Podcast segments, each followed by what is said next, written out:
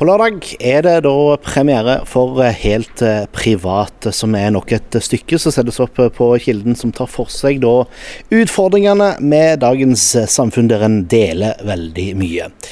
I dette stykket her da, så eh, er det en litt spesiell inngang for publikum, som jo vanligvis pleier å få beskjed om å eh, ta av telefonen sin. Men um, ifølge regissør her, Audun Christer Holsten, så skal faktisk publikum beholde mobiltelefonen sin på. Ja, altså her skal mobilen være på og tilgjengelig under forestillingen. Og det får jo folk komme og finne ut hvorfor det er sånn.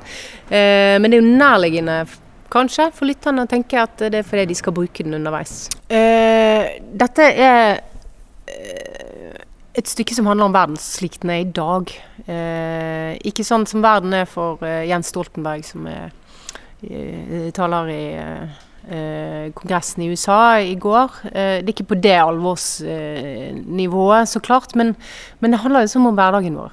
Hvordan vi benytter oss av disse fantastiske teknologiske mulighetene som er her. ikke sant? At vi kan bruke nettet, vi kan lagre ting i skyen.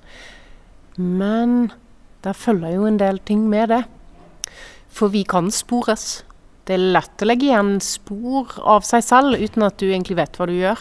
Eh, så det er jo en, et stykke som tar for seg litt av dette her. Gledene og problemstillingene som er knyttet til den eh, teknologiske alderen som vi lever i. For nå går vi jo rundt med smarttelefonene hele tiden. Vi er i nettbanken eh, ved, med et enkelt tastetrykk. Eh, det kan jo andre gjøre også inni vår identitet.